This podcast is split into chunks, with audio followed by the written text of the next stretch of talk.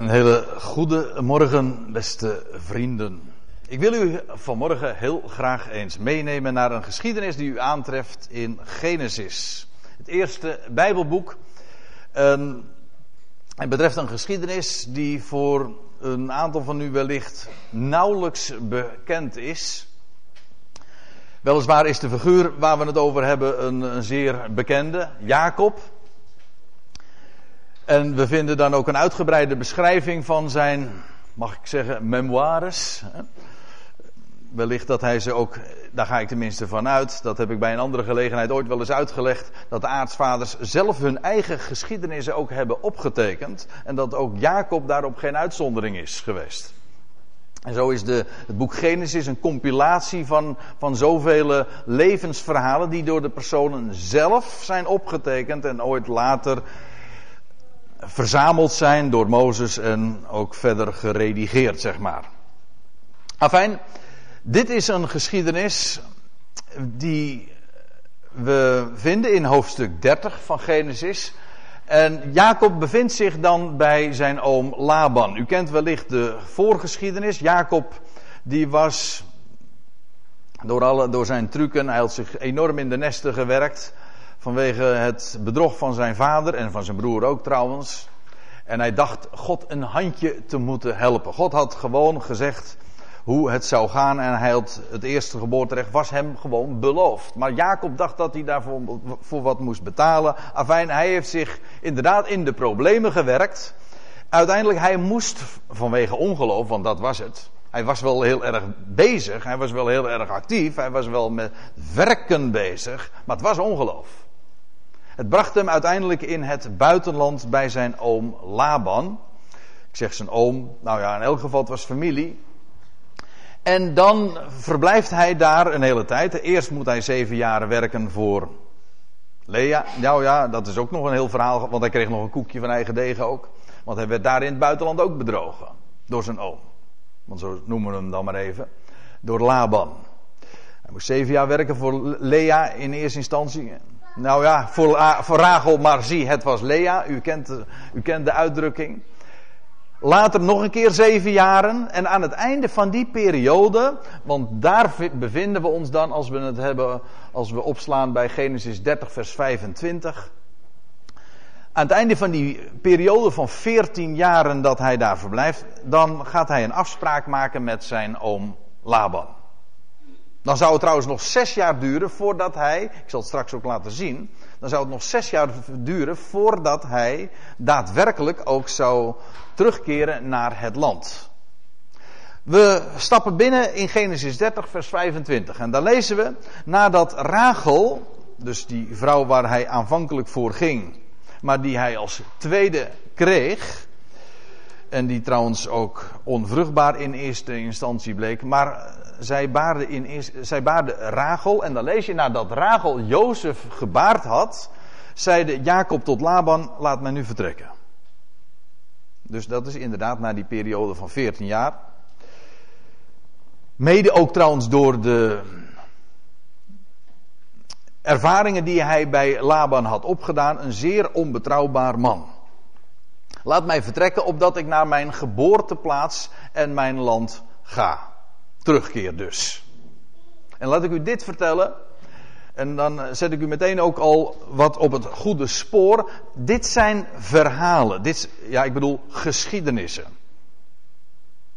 Dingen die Jacob zelf heeft opgetekend, die hij allemaal heeft meegemaakt. Maar in die geschiedenissen zien wij profetische waarheden uitgebeeld. Dingen die niet alleen maar gaan over Jacob, maar ver daar bovenuit reiken. En daar ook ver vooruit reiken. Dat wil zeggen, het zijn waarheden die in Jacobs leven manifest worden, maar uiteindelijk spreken van het huis van Jacob. Het huis van Jacob dat ook in het buitenland terecht kwam door ongeloof, omdat ze menen te moeten werken. Ik bedoel gewoon de diaspora. Israël kwam werd verstrooid onder de volkeren. Voor een periode van 20 jaar lees je van Jacob. Nou, de vorige keer toen hebben we, de, dat is drie weken geleden toen we hier waren, en toen hebben we gezien dat Jacob voor een periode van 2000 jaar, het huis van Jacob 2000 jaar zou verblijven in de volkerenwereld. Maar u herkent de overeenkomst. 20 jaar, 2000 jaar. Jacob verbleef 20 jaar daar in het buitenland en zou dan weer terugkeren naar het land. En dan lees je in vers 26 dan, dat hij dat tegen Laban zegt. Hij, richt het woord tot hem. Geef mij uh, mijn vrouwen, want het waren er twee. En kinderen, om wie ik u gediend heb. Was gewoon eerlijk volgens afspraak allemaal gegaan. Opdat ik mogen heen gaan, want gij weet welke diensten ik voor u verricht heb. En dan vers 27.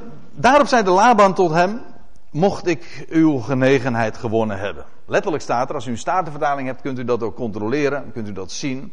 Letterlijk staat er, mocht ik genade vinden in uw ogen. We vinden van, ja, van Laban niet zulke, uh, niet veel goede uitspraken, maar dit is een, een hele goede. Hier is, hier is Laban heel deemoedig. Hij erkent toch dat wat het verblijf van Jacob voor hem betekend heeft. Hij zegt, ik heb waargenomen dat de Heere mij om uwentwil gezegend heeft. Dat wil zeggen, zodra Jacob daar kwam, bij, bij Laban, begon de zegen in het huis van, van Laban duidelijk en zichtbaar te worden. Ik heb dat waargenomen. En dat zie je trouwens iedere keer in het boek Genesis. Je leest dat bij, bij Abraham. Later lees je het ook van Jozef die zojuist geboren was. Uit moeder, uit moeder Rachel. Van Jozef lees je ook dat hij, als hij, dat is dan een paar hoofdstukken verder in Genesis 39, dat hij bij Potifar is. En op het moment dat Jozef bij Potifar komt, dan lees je dat alles wat daar in het huis van Potifar plaatsvindt, gezegend wordt. En dan lees je er ook bij, het was om het verblijf van Jozef daar. Dat wil zeggen, Jozef verbleef daar en dat had een enorme zegenrijke uitwerking. Dat was met Jacob ook het geval. Was dat nou zo'n brave vent? Was het zo'n goede kerel? Nou, eerlijk gezegd, als je zo zijn verhaal leest, zeker in de eerste hoofdstukken, gaat mijn sympathie nou niet direct naar hem uit. Was het een, een goede vent? Nee, maar hij was iemand waar God zijn belofte aan had verbonden. Niet op basis van zijn verleden of van zijn prestaties, of omdat het zo'n goede kerel was, maar omdat Gods keuze juist meestal gaat naar de gevlekte, nou zeg ik het meteen even, nou loop ik een beetje vooruit, naar de gevlekte, naar de gestreepte en naar de zwarte schapen. Daarom. Niet omdat hij zo goed was. Trouwens, en Jacob had inmiddels, dat moet ik er ook bij zeggen, zijn les geleerd. Hij had geleerd, hij moest nog meer leren, maar hij had geleerd dat het niet aankwam op zijn eigen trucken en zijn eigen bedenksels. Integendeel, daar liep hij alleen maar mee vast. En God voor de voeten.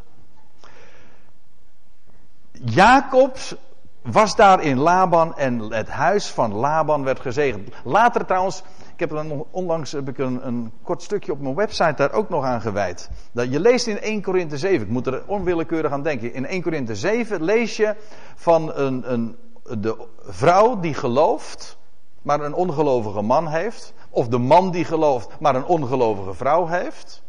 Dat kan door omstandigheden zo zijn dan lees je van het huis, de kind, de man, de ongelovige man en de kinderen zijn geheiligd, dat wil zeggen in die betekenis, in die context, gezegend, gewoon vanwege het feit dat jij een gelovige mag zijn, hem mag kennen. Daar gaat een impact van uit. Daar gaat kracht van uit.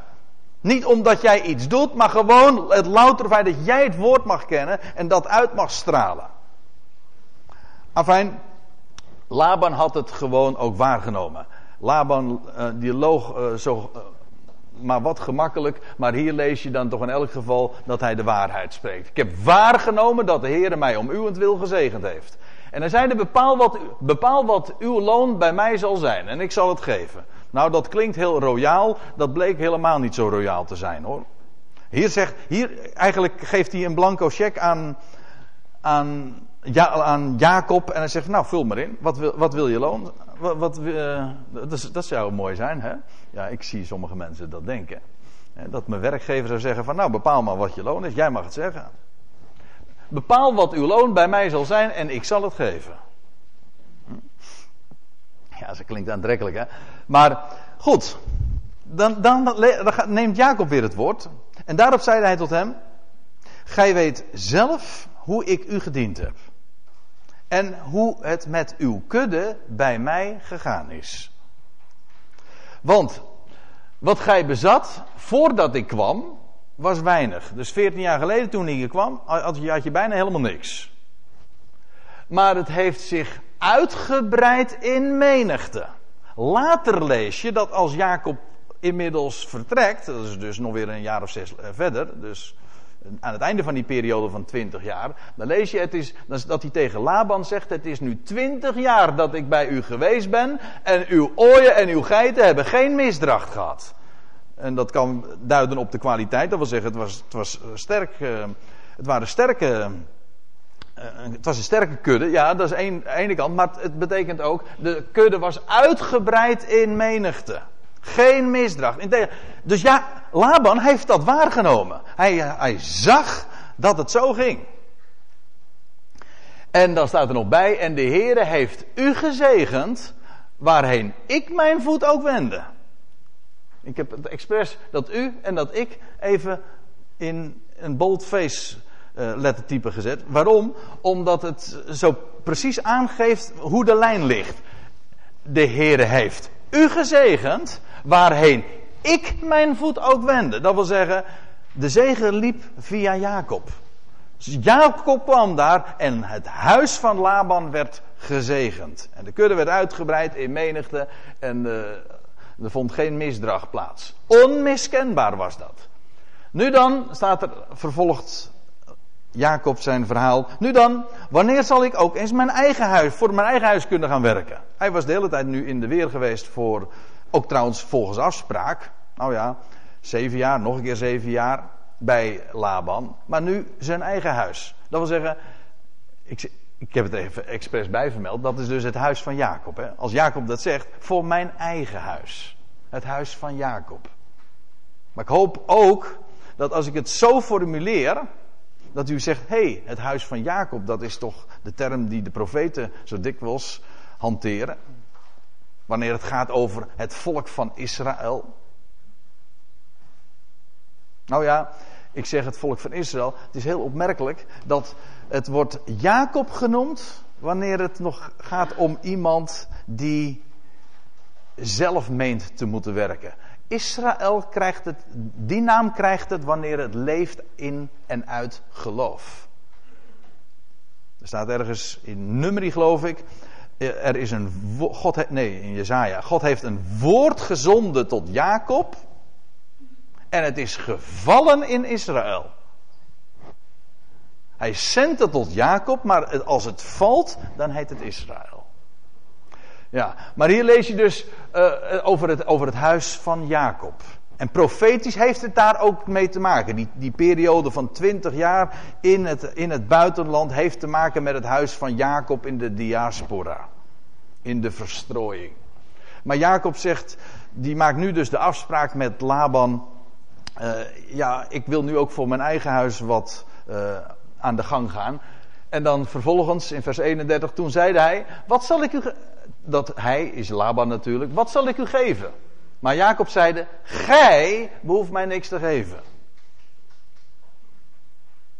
Daaruit blijkt trouwens ook dat Jacob inmiddels een les geleerd had. Jij hoeft mij niks te geven, zegt hij tegen Laban.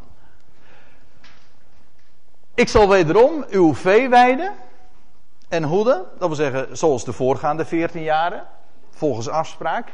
En indien, indien gij slechts dit wilt toestaan. En nou komt zijn voorstel. Ik zal heden door al uw kleinvee, uw kudde gaan, zoals de, de vertaling dat heeft. En daaruit elk gespikkeld en gevlekt, ge, gevlekt stuk uh, kleinvee afzonderen en elk zwart stuk onder de schapen. En wat gevlekt en gespikkeld is onder de geiten, dat, of in de Statenvertaling staat, zulks zal mijn loon zijn. Maar het staat eigenlijk worden. Dat is belangrijk hoor. Kijk, wat, wat hier gezegd wordt, is dat die kudde van Laban, die in menigte was uitgebreid, daar, daar ging Jacob samen met Laban, zou hij daar alle, de, de gespikkelde, de gevlekte en de zwarte, dus alle bonte schapen en de zwarte schapen, zouden daar uitgenomen worden, geselecteerd worden.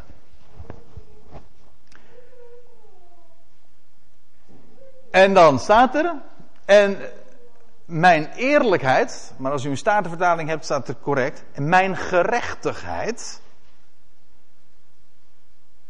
Mijn gerechtigheid zal morgen voor mij spreken. Morgen betekent niet alleen maar de dag van morgen, maar gewoon in de toekomst. De dag, niet, niet alleen heden, maar ook in de toekomst zal mijn gerechtigheid blijken. En wat is gerechtigheid in de Bijbel? Gerechtigheid nou, je zou dat aan de, de, de opa van, van Jacob moeten vragen. Daar lees je al, Abraham geloofde God. En dan wordt er aan toegevoegd. En het werd hem tot gerechtigheid gerekend. Dat is hier ook het geval. Jacob doet hier een voorstel. Ik zal het straks even uitleggen. Wat er precies gebeurt. Maar daaruit blijkt Jacobs geloof. Want hij doet iets wat naar de mens gesproken niet slim is. En Laban dacht ook van, hé, hey, dat is een goed voorstel, daar moet ik op ingaan. Ja. Maar, ah, maar Jacob zegt, en mijn eerlijkheid, nee, het gaat niet om Jacobs eerlijkheid, het gaat erom zijn gerechtigheid, zijn het feit dat hij recht doet. Dat wil zeggen, hij doet recht aan het woord van God en aan Gods belofte. En mijn gerechtigheid zal morgen voor mij spreken, wanneer gij mijn loon zult komen bezichtigen. Alles wat niet gespikkeld of gevlekt is onder de geiten of zwart onder de schapen, dat zal als door mij gestolen eh, gelden. Kijk, het idee is dit.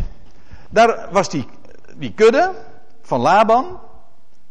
Daar worden alle bonte, de gevlekte, de gestreepte, de zwarte schapen worden eruit genomen. Dus alle witte schapen blijven voor Laban. Laban betekent trouwens wit, weet u dat? Die, en, ja, dat, dat gebeurt dus. Dus die zwarte en die gestreepte en die bonte en de zwarte, ja, zwarte schapen, die worden er allemaal eh, uitgeselecteerd. En dan vervolgens wordt er gezegd, Jacob gaat dan vervolgens die witte kudde die overgebleven is weiden. En alles wat daar vervolgens nog weer uitgeboren zou worden de komende jaren, dat zou voor hem zijn. Dat wil zeggen, alles wat zwart zou zijn, gespikkeld en gestreept, dat zou voor Jacob zijn. Dus onder die, wat geboren zou worden uit de witte kudde van Laban, en gespikkeld en gestreept en zwart zou zijn, dat zou voor, uh, voor, voor Jacob zijn. Dat zou zijn loon zijn. Je zou zeggen, ja, dat is niet logisch en niet slim, want die witte schapen, die, daar, zal, daar zal het witte gen toch. Oh, ik, ik, heb daar geen verstand van hoor, beste mensen, maar het witte gen is, zal toch dominant wezen. Daar zal niet veel gestreept en gevlekt uit voortkomen en zwart. Ja, Jacob zegt: Jij hoeft mij geen loon te geven. Nee. In wezen maakt hij God hier daarmee eh, tot, tot de scheidsrechter. God zal mij loon geven. En het zal, zal over, overduidelijk zijn, dus wat in die, in die witte kudde van, van Laban vervolgens allemaal nog zwart en gespikkeld en zwart is. Nou, dat is overduidelijk dus voor Jacob. Nou, en daarop eh, lees je in vers 34. Daarop zei de Laban: Zie, het geschiedde naar uw woord. Die dacht: Haha, dat is, uh, dat is, dat is precies wat, ik, eh, wat voor mij voordelig is. Daarom ging hij daar ook direct mee akkoord. Toen zonderde hij, en dan gaat het over Laban, op die dag de gestreepte en de gevlekte bokken af. En alle gespikkelde en gevlekte geiten. Alles waar, waaraan iets wits was. Benevens alles wat zwart was onder de schapen. En hij stelde het onder de hoede van zijn zonen. Dat wil zeggen onder de hoede van, van zijn eigen zonen, van Laban's zonen dus. Jacob's zonen waren trouwens nog maar een paar jaar oud. De oudste was geloof ik nog maar zes of zeven jaar oud. het gaat hier dus over Laban. Ziet u? En, en, dan gebeurt er, en dan lees je in vers 36 wat daar vervolgens gebeurt. En Laban bepaalde een afstand van drie dagreizen. Nou, daar hebben we het al eens een keer over gehad, maar daar ga ik nu verder niet op in, want dat voert te ver. En Laban bepaalde een afstand van drie dagreizen tussen zich en Jacob. En Jacob weide het overige vee van Laban. Dus dit is het idee. Alle gevlekte, gestreepte en de zwarte schapen en het kleinvee, dat wordt gesteld onder leiding van Laban's zonen. Dan vervolgens wordt er een afstand van drie dagreizen bepaald, zodat het zich niet met elkaar zou kunnen gaan vermengen. Een hele duidelijke afstand. En dan krijgt de witte kudde van Laban, die wordt gesteld onder leiding van Jacob. En alles wat hieruit gestreept en gevlekt en zwart geboren zou worden, dat zou voor Jacob zijn in het vervolg. Naar de mens gesproken zeggen, ik geef je weinig kans. Dat is niet slim. Maar het is Jacobs eigen voorstel. Nou, en dan lees je, toen nam Jacob zich verse takken. Nou, ik moet er even iets bij zeggen hoor. Want het wordt altijd opgevat als een slimme truc van Jacob. Alsof hij dan toch weer heel sluw of slim, gemeen zelfs, bezig zou zijn geweest. Maar het is niet zo. Dit was wat we in het vervolg lezen. Dat is geen slimme truc van Jacob. Dat, het is geloof. Het is gerechtigheid. Maar voordat ik daar wat voordat ik dat toelicht en voordat ik dat kan uitleggen, wil ik eerst nog even iets rechtzetten. Want het is zo jammer dat de vertaling dit nu weergeeft met takken. Want dat staat er niet. Ja, als u een statenvertaling hebt, staat er roeden. Ik kom daar straks nog even op terug. Maar er staat dit woord. Letterlijk staven. Dat is het meervoud van staf. Ja. Ja, van staaf. Nee, van staven. Staven. Dus hier staat het woord wat elders weergegeven wordt met staf. Uw stok en uw staf, die vertroosten mij. Dat woord is het. De staf, waarvan je ook leest dat Jacob, als, als hij inmiddels dan terugkeert, dan gaat hij de Jordaan door en dan lees je, en hij had de staf in zijn hand. Dat, dat woord wordt hier gebruikt. Een staf heeft in de Bijbel, dat kan ik op voorhand gewoon aangeven, in de Bijbel altijd te maken met opstanding. Iets waardoor je kunt opstaan, staande kunt blijven. En het heeft ook altijd te maken met, met het voortbrengen van nieuw leven. Vraag het maar eens een keertje na aan Aaron, die ook een staf had. Die e- ook levend werd bij het huis van Farao. Later lees je dat die staf van Aaron in het heiligdom neergelegd wordt. En, en, en als morgens vroeg die staf eruit gehaald wordt, dan wat blijkt dan? Die had witte amandelbloesem voortgebracht. En vruchten zelfs. Een staf brengt leven voort. Staf spreekt altijd van leven. En dat is het woord wat hier gebruikt wordt. Jammer dat men het heeft weergegeven met takken. U zegt, het waren toch takken? Ja, ongetwijfeld, dat blijkt wel uit de context. Maar het gaat er juist om dat het een staf heet. De staf verwijst naar hem die nieuw leven voortbrengt. Dus trouwens, staat, dat blijkt al uit het, uit het naamwoord. Verse takken. Er staat eigenlijk sappige takken. Groen, nee, in de Statenvertaling staat er groene takken. Heeft, dat heeft te maken met nieuw leven. We moeten eens opletten wat Jacob dan doet. toen nam Jacob zich verse staven van populieren, amandelbomen en platanen. Hier heb je amandelbomen, heb je ze weer. En platanen. En schilde daarop witte strepen door het wit aan de takken te ontbloten. Hm? Wat ben je nou aan doen, Jacob? Denk je nou werkelijk dat dat gaat helpen? Ja, Jacob wist namelijk het zat. Kijk wat hij hier doet. En dat komt niet goed uit de verf. Als je trouwens een statenvertaling hebt. Dan staat er hier het ontblotende het wit, het welk aan die roeden was. Die staven. Maar wat hier gewoon uitgebeeld wordt, is niets anders dan besnijdenis. Het wat Jacob doet, is de staf ontbloten. De roede. Maar als u, ik, ik, hoop toch dat u begrijpt dat ik, de woorden die ik nu gebruik gewoon dubbelzinnig zijn. Het staat voor het mannelijk geslacht. Wat hij deed is het mannelijk geslacht, een embleem van het mannelijk geslacht. Wat Jacob hier doet, is het wit aan de takken ontbloot, alsof hij die, die staven aan het besnijden was. Dat is wat, wat, er, uh, wat, wat hij doet.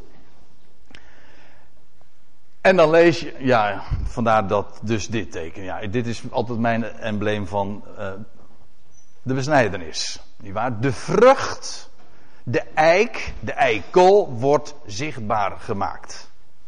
En dat is, dat, dat is geloof hoor. Ik kan, nog, ik kan nog wel dat verder aantonen en laten zien, want dan lees je in vers 38. Hij legde de staven die hij geschild had in de troggen, in de drinkbakken, waar het kleinvee kwam drinken, vlak voor het kleinvee.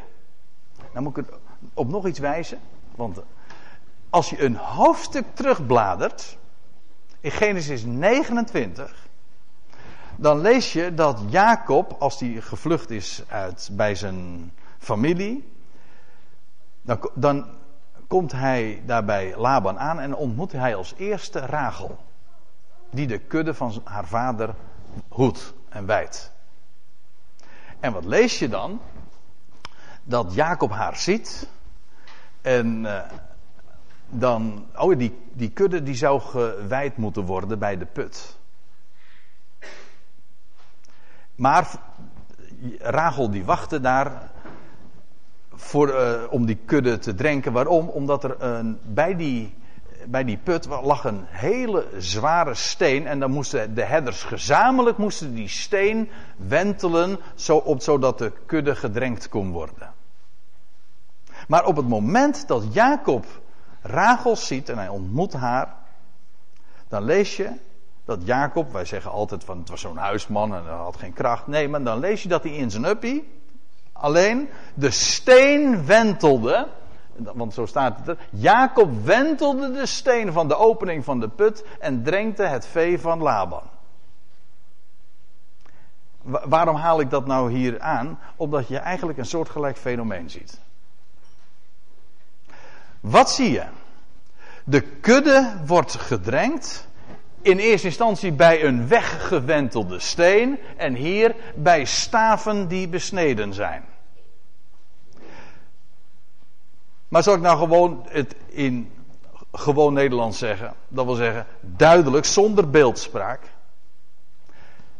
De kudde krijgt water bij de opstanding ze drinkt levend water. Want die, die, dat drinken van de kudde, het drinken van die schapen, dat spreekt van, ja, van dat waar het door gevoed wordt. Het spreekt van het woord van God. Dat is immers levend water. Maar waar, hier blijkt ook dat het recht levend water is.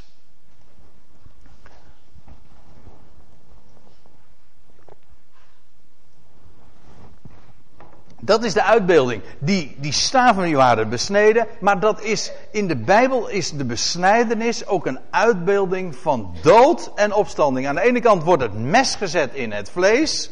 Niets van de mens. Maar wat, wat zichtbaar gemaakt wordt is de vrucht. Nieuw leven. God had ook een belofte gegeven van, van nieuw leven. Zaad uit een verstorven man. En als teken de besnijdenis. Nieuw leven. Dat is wat de staf altijd uitbeeldt.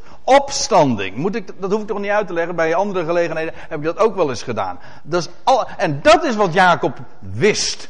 En wat Jacob uitbeeldt. Het was geen truc. Het was geloof. Hij, kijk, wij denken altijd maar heel, dat noemen ze kausaal. Dat wil zeggen in termen van oorzaak en gevolg. Als je dit doet, gebeurt er dat.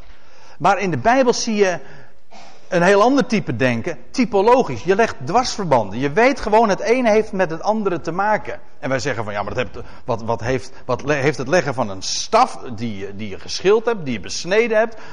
Wat voor invloed kan dat nou hebben op die kudde? Ja, als, als je gewoon puur exact denkt, in de termen van zoals de wetenschap dat doet, dan snap je het niet. Maar als je gelooft in een God die alles gemaakt heeft en waarbij alles met alles samenhangt en waarbij alles spreekt van één ding, dan geloof je dat, al, dat het helemaal niet waar is van dat, dat er geen verband tussen het een en het ander zou bestaan. Dus dat is wel, namelijk wel degelijk het geval. Jacob was niet onkundig, Jacob haalde geen domme truc uit. Jacob handelde uit geloof. Hij, hij beelde de opstanding uit door die staven te besnijden. En hij legt dat bij het water van die kudde.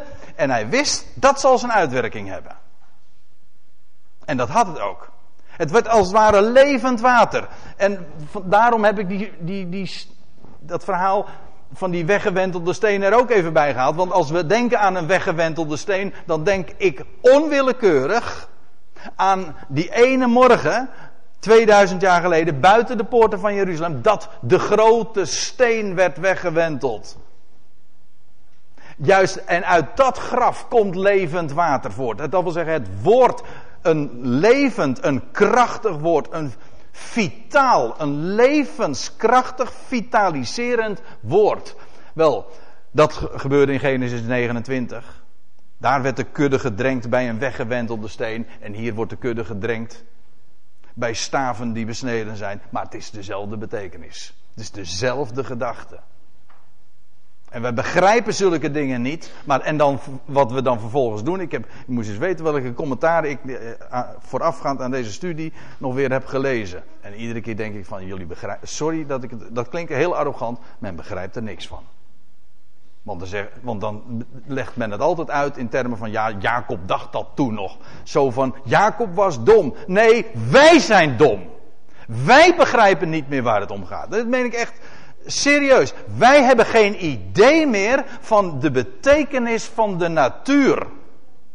En waarom, wat, wat besneden is uitbeeld. En wat een staf uitbeeld. Hebben geen idee meer van. Jacob wist het. Wat Jacob allemaal begrepen heeft, dat weet ik niet. Maar in elk geval veel meer dan wij denken.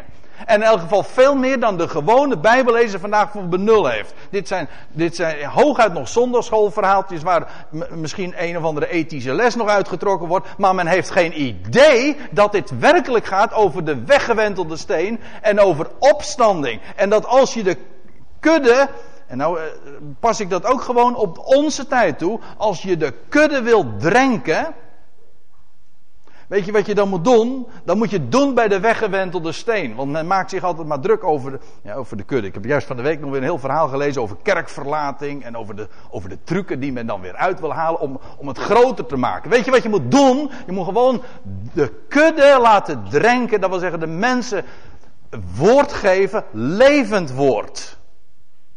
Het woord van die weggewentelde steen. Het woord van die staf die vertroost, toch? Waar je op kunt leunen.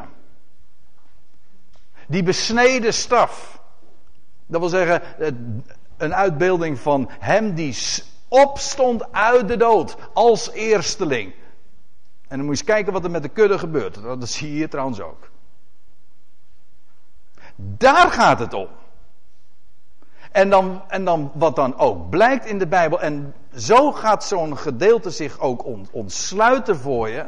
Wanneer je begrijpt dat heel de schepping, Jacob wist dat nog, wij niet meer, maar Jacob wist dat alles in de schepping spreekt van de schepper. Wat dacht je nou? Kijk, wij denken dat we zo slim en zo modern en zo wetenschappelijk zijn. En we verklaren de dingen en we leggen allemaal causale verbanden. Maar we hebben geen idee meer van het feit dat de schepping voortgekomen is uit de schepper. En dus ook spreekt van de schepper. De genen draagt van de schepper. En maar ook voortgekomen is, alle dingen staat er in de Bijbel, in Johannes 1, zijn voortgekomen uit het woord van God. Hij sprak en het was er. Maar dus toch logisch ook dat die schepping dezelfde boodschap uitdraagt en in zich heeft en uitbeeldt, op welke manier ook. van de schepper. In die schepping zie je de schepper en zijn gedachten, zijn hart, zijn plannen uitgebeeld. Dat is het machtige. Kijk, dan gaat het ook waarde krijgen om naar de dingen om je heen te kijken in de natuur. Waarom is de hemel blauw? Waarom zijn de blaadjes groen? Waarom, een, waarom heeft een, een, een, tak een, een korst? Nou, gewoon om hem eraf te kunnen schillen. Hm? Als u begrijpt wat ik bedoel.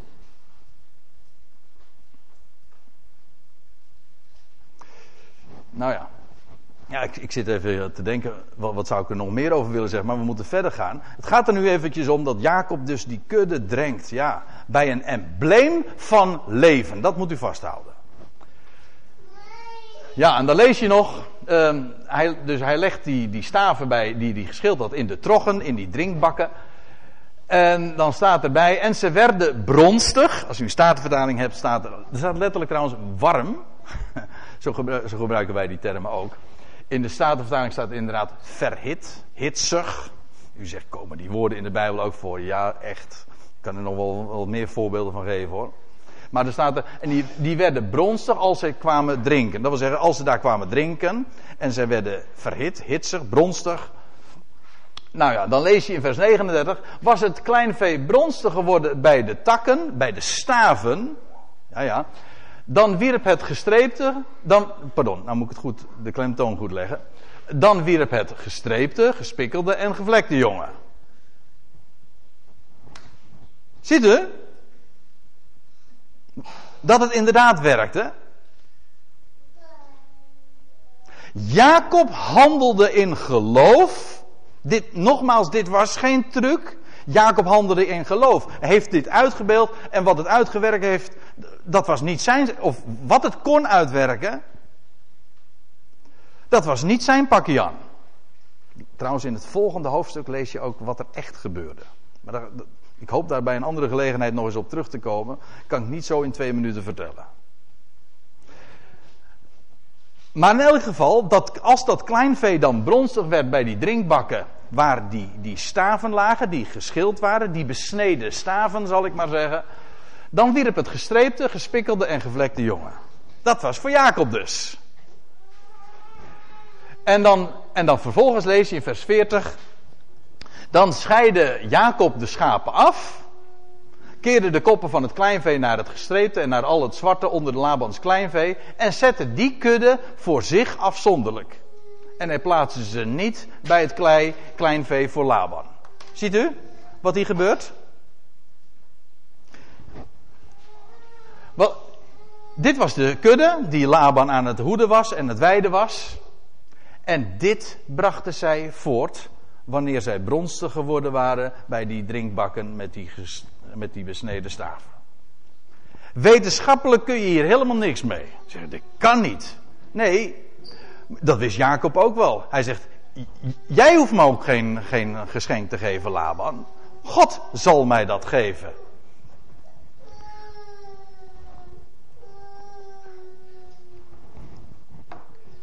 Nou, en dan lees je, en telkens als het sterkst, ja, dan moet ik weer even een aanmerking op de vertaling leveren. En telkens als het vroege kleinvee, als u een MBG-vertaling staat er het sterkste, dat was, dat is wel zo hoor.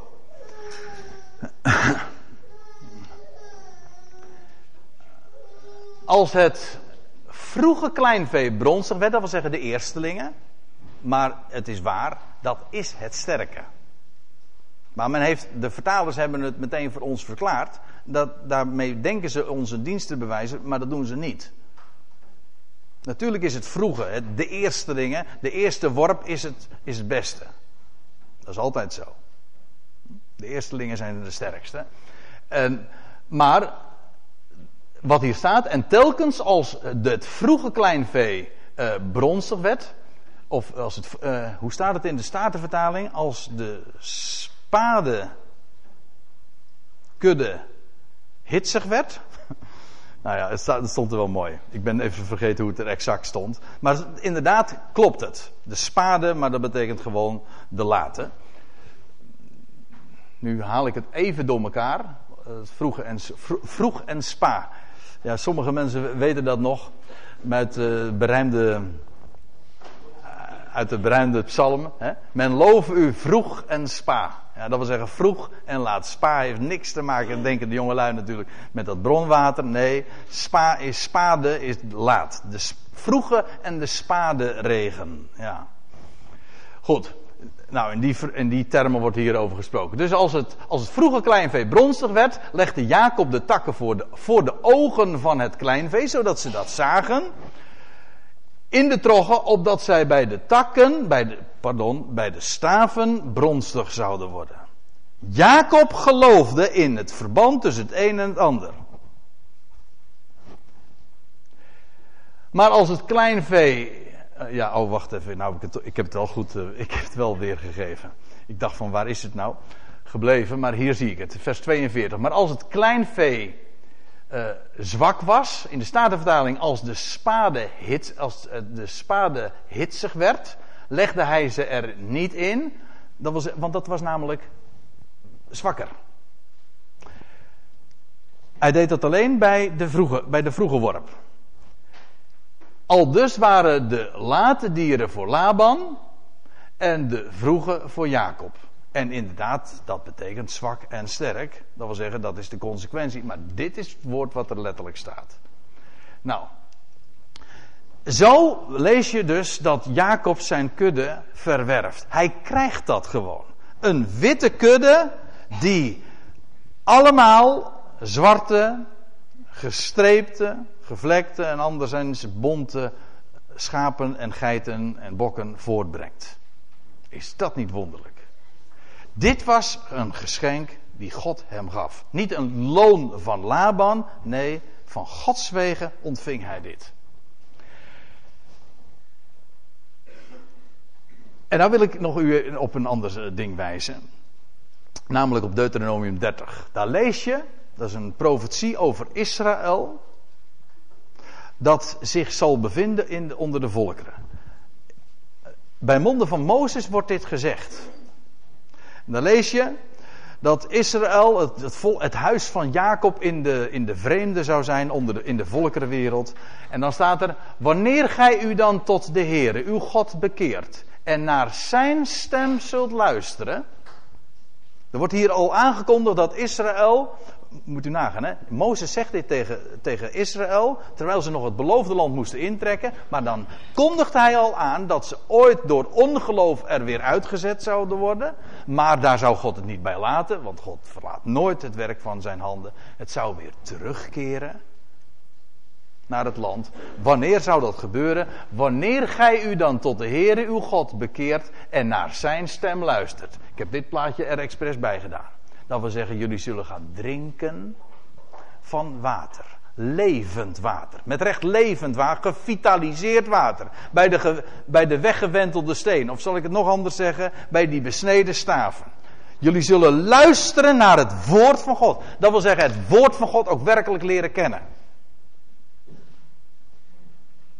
Het woord van God dat niet gaat over wat een mens zou moeten doen, maar over wat hij gedaan heeft en hoe hij leven voortbrengt uit de dood. Kijk, dat is gevitaliseerd water. Water, water, dat woord van God, dat levenskrachtig is. Tot op de dag van vandaag drinkt het Jodendom weliswaar uit de put. Water, jawel, maar het is niet, het is niet levend. Ze kennen namelijk Hem niet van wie heel de schrift spreekt, namelijk van Hem die is opgestaan uit de doden. De levensvorst. Zolang je dat niet kent, is het geen levend water. Maar goed, ze zullen naar zijn stem luisteren. En dan, zal, en dan zal de Heere uw God in uw lot een keer brengen en zich over u erbarmen. Hij zal u weer bijeenbrengen uit al de volkeren naar wier gebied de Heere uw God u verstrooid heeft. Even terugkoppelend ook wat we de vorige keer bij de studiedag hebben gezien. Het het huis van Jacob zal na 2000 jaar weer terugkeren naar het land. En dan zullen ze het woord van God hebben ontdekt. Dan zullen ze drinken levend water. Levend waarom? Omdat ze Hem zullen kennen van wie dat woord van God van de eerste tot de laatste bladzijde spreekt. Namelijk van Hem die verrezen is uit het graf, de weggewentelde steen. En dat verandert alles. En dan lees je erbij, en daarom haal ik het nu ook in dit verband aan. En de Heere, uw God, zal uw hart en het hart van uw nakroost besnijden. Zodat gij de Heer uw God lief hebt met geheel uw hart en met geheel uw ziel, opdat gij leeft. Ja. Jullie zullen leven ontvangen. Waarom? Omdat het hart zal zijn besneden. Want uiteindelijk is die besnijdenis is niks anders dan een beeld. De bedekking wordt weggenomen. Dat is met recht een ontdekking. De bedekking wordt weggenomen. Waarom? Opdat gij leeft. Dan weet je meteen waar de besnijdenis van spreekt. En dan weet je ook meteen waarom Jacob groene of verse of sappige slaven nam en die besneed. Jacob wist hoe dat zat. Jacob wist waar het een beeld van was. En wat, en wat gebeurt er? God zegent zijn handeling. Niet omdat dat een, een slimme truc was, maar omdat het sprak van geloof. En God laat dat zich dan nooit onbetuigd. Als je steunt op zijn woord. En dan kan de hele wereld je voor gek verklaren. So what? Je zal toch maar normaal zijn in de ogen van de wereld, denk ik dan. Ja, zo is het toch. Jacob heeft gehandeld in geloof. Het was gerechtigheid. En maar straks zal dat ook gebeuren met Israël. Het huis van Jacob zal terugkeren. En, zo, en hoe zal die kudde dan gevormd worden? Wel, die zal gevormd worden bij de drinkbakken, bij levende drinkbakken. Ze zullen drinken van het woord van God, dat ze dan zullen kennen. En het hart zal besneden worden. Ze zullen leven. Zo wordt die kudde van Jacob, het huis van Jacob, in die eindtijd gevormd. En zo zullen ze terugkeren naar het land. Ja, nou, in het laatste vers van Genesis 30, en dan wil ik daar mee, mee afsluiten. Dan lees je in vers 43 nog van Genesis 30. Derhalve nam die man, Jacob dus, ten zeerste toe in, in zijn bezit. En hij had veel kleinvee. Zijn, eh, dus gedurende die, die zes jaren dat, dat hij zijn kudde vormt, want het, uh, ging dat zeer succesvol. Hij wandelde in geloof. Hij had veel uh, kleinvee, slavinnen, slaven. Ja, dat was een andere tijd dan de onze. Dat is duidelijk kamelen en ezels, die man die werd, werd schat hemelrijk. Tegen de verdrukking in, want Laban die, die maakte het, het, ook die laatste zes jaar nog zeer zuur. En zwaar. Want Jacob heeft het daar zeer moeilijk gehad. En desondanks werd hij gezegend. En dat, dat wil ik laten zien. En dat is het laatste dia die ik vertoon. In Genesis 31. Dan lees je dat Jacob nog een keertje het woord richt aan, aan zijn oom Laban. Dan is hij inmiddels vertrokken. Dat is in het, aan het einde van die twintig jaar. Als Jacob dan weer terugkeert inderdaad naar het land. Met de staf in zijn hand. Ja, ja. En dan staat er in vers 42 van hoofdstuk 31. Dat hij tegen Laban zegt: Het is nu twintig jaar dat ik in uw huis geweest ben. Ik heb u veertien jaar gediend om uw beide dochters. En zes jaar om uw vee. En gij hebt mijn loon tien keer veranderd. Waaruit dus blijkt dat die Laban inderdaad voor geen meter te vertrouwen was. En nou vocht hij eraan toe. Indien de God van mijn vader, de God van Abraham en de vrezen van Isaac, dat wil zeggen hij die Isaac, die mijn vader, vreesde, niet met mij was geweest, dan zou gij mij nu voorzeker met lege handen beweggezonden. Ondanks de grootspraak van, je bepaal jij mijn loon maar, want, Jacob, want Laban was niet te vertrouwen. Die veranderde tien keer zijn loon. Hij kwam altijd weer terug op zijn woord. Dat begon al bij Rachel ooit. Met Lea, die hele geschiedenis. Tien, het is al, voortdurend bleek die man onbetrouwbaar te zijn. Maar eh, Jacob zegt, ik ben dan wel eens, in het vervolg zegt hij dat dan ook. Ik heb het zeer zwaar, ik heb het zeer zwaar gehad. Maar hij groeide, ja, in letterlijk en figuurlijk, tegen de verdrukking in. Mensen maakten het hem moeilijk. Hij zegt, maar indien de God van mijn vader niet met mij was geweest, dan zou ik met lege handen staan. Maar nu niet. Hij, werd, hij werd rijk. Waarom? Vanwege de zegen die God gaf.